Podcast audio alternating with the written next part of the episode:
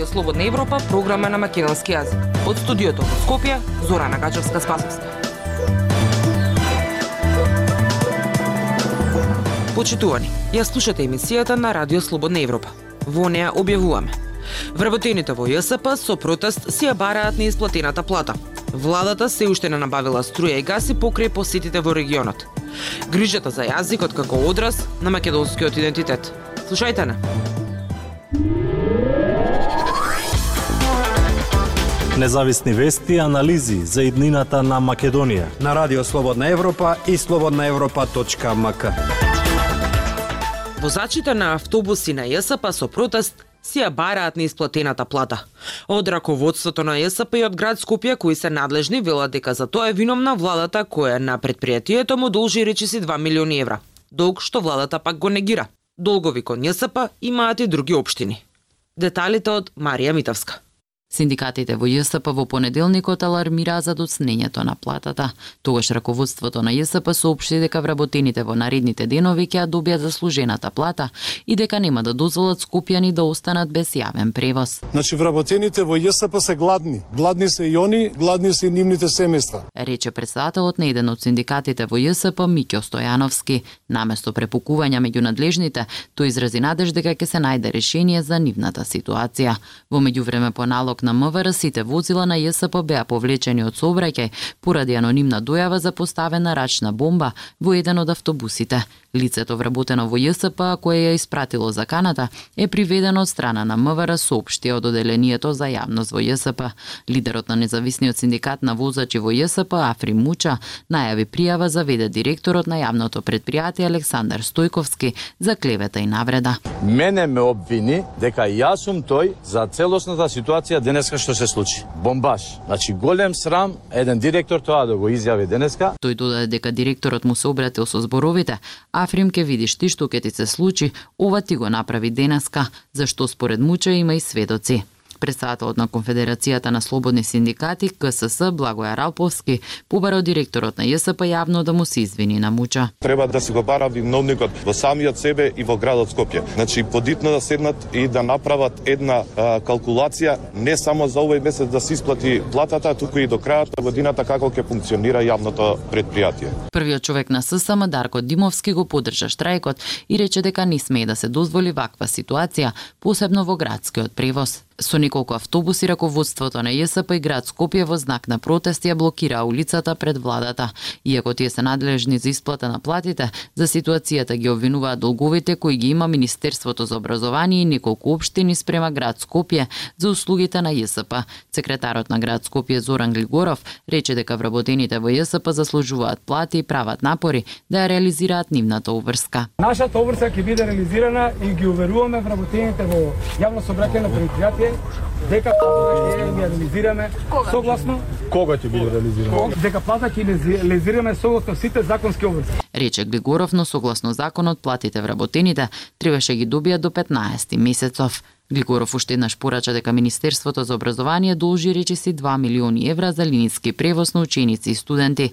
Дополнително рече дека неколку скопски општини му должат на ЈСП околу 40 милиони денари или околу 650.000 евра. Веде директорот на ЈСП Александар Стојковски демантираше дека упатил обвинувања кон синдикалниот лидер Муча дека тој е одговорниот за дојава на бомбата. Тој рече дека не е прв пат во ЈСП да доцни платата. Од владата на обвинувањата предходно реагираа преку соопштение и одговорија дека не должат ниту еден денар на град Скопје.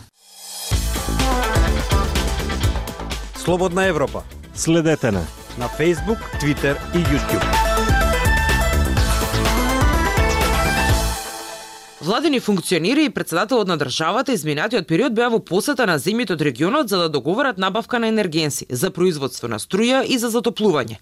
Но за сега посетите и средбите не вродија со плод, освен договорот за набавка на јаглен и мазут од Грција. Грејната сезона веќе почна, а големиот бизнис чека струја по поволни цени.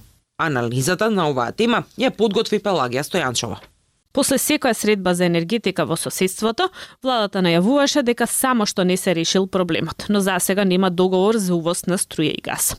На самитот на Отворен Балкан во Белград на 2 септември, премиерот Ковачевски рече дека заедно со Србија и Албанија преземаат чекори за справување со кризата.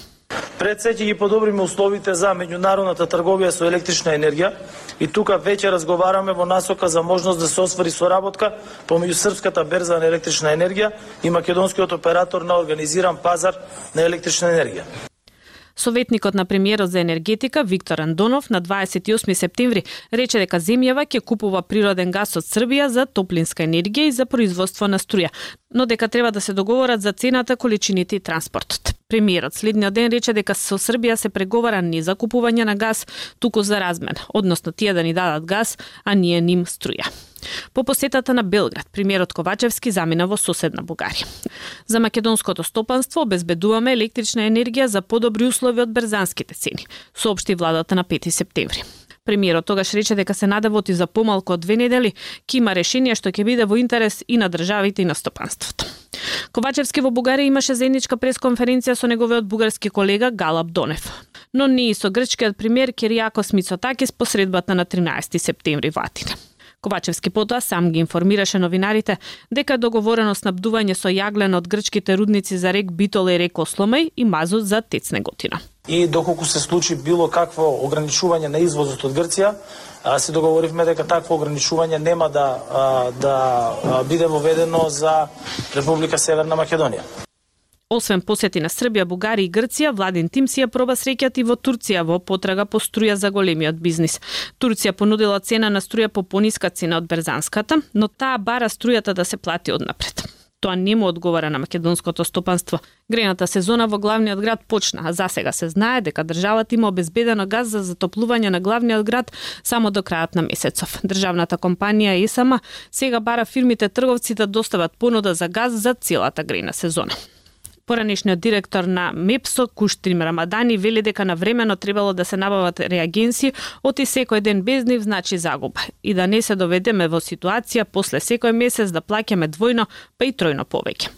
Владата пробува да да најде некој начин да најде количини на газ електрична енергија, но јас сум вака скептичен во ова насока кога ги знаеме цените во а, цела Европа какви се, не верувам дека некој ќе ќе ќе биде во можност да да да подарува количини на газ или електрична енергија рече Рамадани за Радио Слободна Европа. Нема ништо конкретно ниту со компаниите што ги понуди лидерот на ВМРО ДПМН за набавка на енергенси, тврди власта. Радио Слободна Европа, светот на Македонија. Вкупно 89 невработени професори по македонски јазик и тројца лектори има во Агенцијата за вработување. Тоа што нема вработување во институциите кои треба да го чуваат и негуваат македонскиот јазик е само приказ на институционалната негрижа за идентитетот, коментира стручната јавност. Повеќе од Марија Томановска. Фактот што во последните 24 години на Институтот за македонски јазик било одобрено само едно вработување е само еден од показателите дека не се грижиме доволно за македонскиот јазик, коментира стручната јавност. Во моментот во Агенцијата за вработување евидентирани се 89 невработени професори по македонски јазик и тројца лектори. Бројот на оние кои завршиле македонски јазик, а работат друга професија е исто така голем.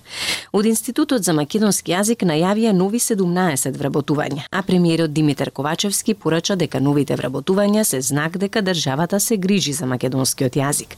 Сепак дел од македонистите со кои разговаравме велат дека и покрај декларативните заложби дека јазикот е нашиот идентитет, праксата не го покажува тоа. Видливо е дека јазичните прашања јазикот воопшто нам како на општество ние на последно место преку се помалиот број вработувања лектори во јавните институции, преку нелекторираните веб страници на јавни институции, што значи дека власта и самата го крши законот за македонски јазик, преку тоа што постои голема негрижа, на пример, за првото училиште во кое што се изучувал македонскиот јазик, во кое што се зборувало и се предавало на македонски јазик веднаш по народно-слободителната војна, преку тоа како се однесуваме кон книжевното наследство на големите великани што придонеле нели кон литературата и кон јазикот како Тале Попов и Славко Јаневски, Куневски, преку недостигот од веб страници за овие јавни личности и преку архиви за нивното творештво. Вели Татјана Ефтимовска, лектор и професор по македонски јазик и литература. Покрај потребата од поголема институционална грижа за јазикот, потребна е и индивидуална, истакнува доцент доктор Ана Витанова Рингачева, шеф на катедрата за македонски јазик и литература на Филолошкиот факултет во Штип. Треба а, пред се да има да има индивидуална грижа кон јазикот во смисла правилно да го говори македонскиот литературен јазик, правилно да го пишува, правилно да го пренесува, а, правилно да го употребува еве да кажеме на социјалните медиуми кои што се наше наше секојдневие и кога сите овие а, фактори заедно би, би, би се фузирале, тогаш мислам дека а, таа грижа, односно грижата за јазикот ќе биде на на многу повисоко ниво. Од друга страна пак се чини дека секоја следна генерација се послабо го зборува мајчиниот јазик. Имаме средношколци, ама и студенти кои недоволно добро знаат да зборуваат и пишуваат македонски јазик. Ефтимовска вели дека треба многу да се вложува во образованието, а јазичните прашања да бидат допадливо присутни кај младите луѓе, за тие да се натераат да читаат на свој мајчин јазик. Актуелности свет на Радио Слободна Европа. Употребата на самоубиствените беспилотни летала од Иран што се користат против Украина се знак дека руската залиха на домашно оружје може да биде сериозно исцрпена, коментираат воените аналитичари за Радио Слободна Европа. Прилог на Гоце Танасов. Драматичните слики на камикази беспилотни летала кои удираа во центарот на Киев на 17 октомври цврсто ги дискредитираа на водите на Техеран дека не испорачува оружје за руската војна против Украина. Сликите го покажаа непогрешливо триаголниот профил на беспилотните летала Шахет 136, кои Русија ги ребрендираше со ознаки на крилата како Геран 2. Дронот е способен да лета стотици километри, придвижуван од бучен мотор налик на мопед, пред да падне врз целта со релативна прецизност. Употребата на беспилотните летала во Украина првпат беше потврдена во август, но овонеделниот бараж во кој бие обијани неколку цивили ги покажаа беспилотните летала на јавноста.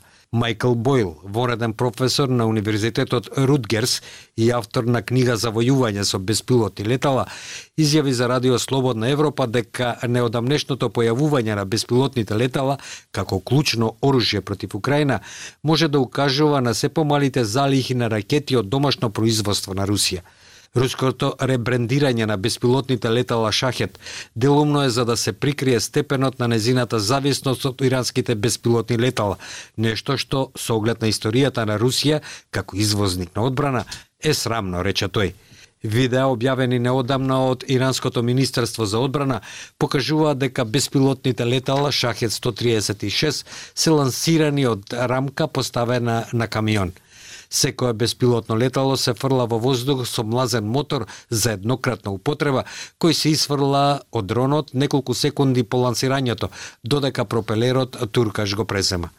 Дроновите имаат распон на крила од 2,5 метри и носат експлозивна боева глава тешка околу 40 килограми.